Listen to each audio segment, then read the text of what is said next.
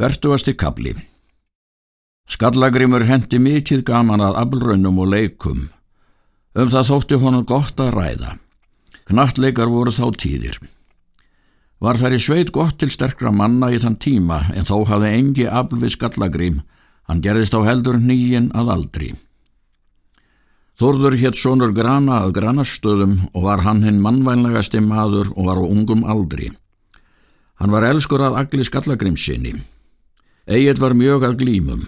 Var hann kappsamur mjög og reyðin en allir kunnu það að kenna sonum sínum að þeir vægðu fyrir agli. Knattleikur var lagður á kvítarvöllum all fjölmönnur og öndverðan vetur, sóttu með þar til víða um hérað. Heimamenn Skallagrins fóru þanga til leiksmargir. Þorður Granarsson var helst fyrir þeim. Egil bað Þorð að fara með honum til leiks. Þá var hann á sjönda vetur. Þorður let það eftir honum og reytti hann að baki sér. En er þeir koma á leikmótið þá var mönnum skipt þar til leiks. Þar var okkomið margt smásveina og gerðu þeir sér annan leik. Var þar okk skipt til.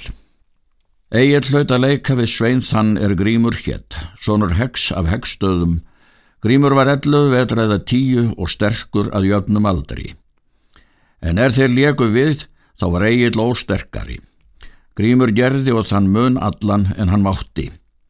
Þá reytist Egil og hóf upp knattrið og laust Grím, en Grímur tók hann höndum og kerði hann niður fall mikið og leik hann heldur illa og hvers myndu meiða hann ef hann kynni sig eigi. En Egil kom á fætur þá gekk hann úr leiknum en sveinarnir æftu að honum. Egil fór til fundar við Þórð Granarsson og sagði honum hvað í hefði gerst. Þórður mælti. Ég skal fara með þér og skulum við hefna honum. Hann seldi honum í hendur stegg öksi eina er Þorður hafi haft í hendi. Þau opn voru þá tíð. Ganga þeir þar til er sveinaleikurinn var.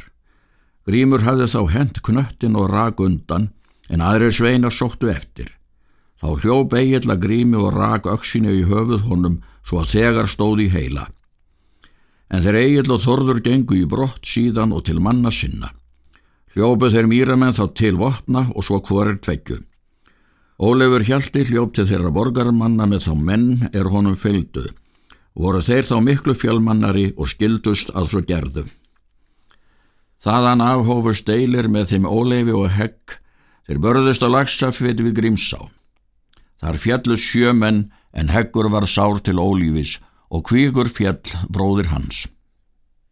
En er Egil kom heim, let skallagrimur sér fátum finnast, en bera hvað Egil vera vikingsefni og hvað það möndu fyrir líka þegar hann hefði aldur til að honum væri fengin herskip. Egil hvað þá vísum. Það mælti mín móðir að mér skildi kaupa flei og fagrar árar, fara á brott með vikingum, standa upp í stafni, stýra dýrum knerri, halda svá til hafnar, högva mann og annan. Þá Egil var tólf vetra gamal var hann svo mikil vexti að fáur voru menn svo stórir og að afli búnir að Egil inni þá eigi flesta menn í leikum. Þann vetur er honum var hinn tólti var hann mjög að leikum. Þórður Granarsson var þá tvítugsaldri. Hann var sterkur að afli. Það var oftir álið veturinn að þeim agli og þorði tveimur var skipt í móti skallagrými. Það var eitt sinnu veturinn er áleið að knattleikur var að borg söður í Sandvík. Þá voru þeir þorður í móti skallagrím í leiknum og mættist hann fyrir þeim og gekk þeim léttara. En á kveldið eftir sólarfall þá tók þeim agli verð að ganga, gerði skrýmur þá svo sterkur að hann greip þorð upp og kjörði niður svo hart að hann landist allur og fekk hann þegar bana. Síðan greip hann til eigils. Þorgerður brák hétt ambátt skallagríms. Hún hafði fóstrað eigil í barnasku, hún var mikil fyrir sér, sterk sem karlar og fjölkunnum mjög. Brák mælti, hamast þú nú skallagrimur að sinni þínum? Skallagrimur let á lausan eigil en þreif til hennar. Hún brást við og rann undan en skallagrimur eftir. Fóru þau svo utanverti grannes. Þá hljóp hún út af bjargjunu á sund. Skallagrimur kastaði eftir henni steini miklum og setti milli herða hennar og kom kortki upp síðan. Þar er nú kallað Brákarsund. En eftir um kveldið er þeir komið heim til borgar var Egil allir reyður. En er skallagrimur hafið sest undur borð og allþýða manna þá var Egil eigi komin í sæti sitt. Á dekkan inn í eldhús og að þeim manni er þar hafið þá verkstjórn og fjárforráð með skallagrimi og honum var kærastur. Egil hjó hann bana högg og gekk síðan til sætis síns. En skallagrimur rætti þá ekki um og var það mál þaðan af kyrt, en þeir feðgar rættist þá ekki við hvorki gottni illt og fór svo fram þann vetur. En hinn næsta sömar eftir kom Þórólfur út sem fyrir var sagt en er hann hafi verið einn vetur á Íslandi þá bjóð hann eftir um vorið skip sér í Brákarsundi. En er hann var albúin þá var það einn dag að Egil gekk til fundar við föður sinn og bað hann fá sér fara refni. Vil ég, sagði hann, fara auðtan með Þórólfi. Grímur spurði ef hann hefði nokkuð það mál rætt fyrir Þórólfi. Egil segir að það var ekki. Grímur bað hann það fyrst gera. En er Egil vakti það mál við Þórólf þá hvað hann þess enga von.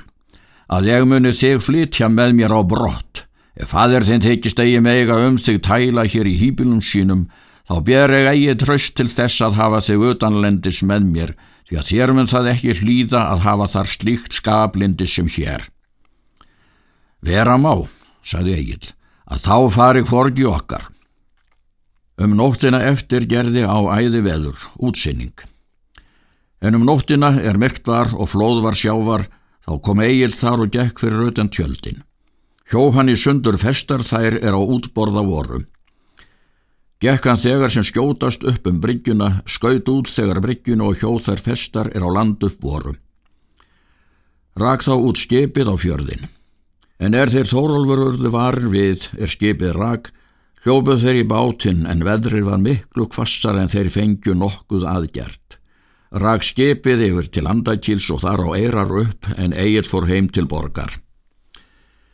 En er mennurðu varir við bragð það er eigið hlaði gert þá löstuðu það flestir. Hann sagði að hann skildi skamt til láta að gera Þórólfi meira skada á spellvirki ef hann vildi eigi flytja hann í brott. En þá áttum menn hlutað í máli þeirra og kom svo að lyktum að Þórólfur tók við agli og fór hann utan með honum um sömarið.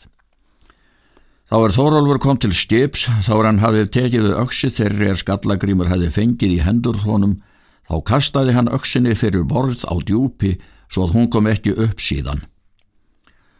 Þórólfur fór ferðarsinnar um sömarið og greittist vel um hafið og komi utan að hörgarlandi. Stefnir Þórólfur þegar norður til Sogns, en þar höfðu þau tíðindi orðið um veturinn að Brynjólfur hafði andast af sótt en sinir sans höfðu stift arfi hafði Þorður Örland bæð hann er fadir þeirra hafði búið á. Hafði hann gerst konungi handgengin og gerst lendur maður. Dóttir Þorðar hétt Rannveig, móður þeirra Þorðar og Helga. Þorður var fadir Rannveigar, móður Ingiríðar er átti Ólafur konungur. Helgi var fadir Brynjóls, föður þeirra Serks og Sogni og Sveins.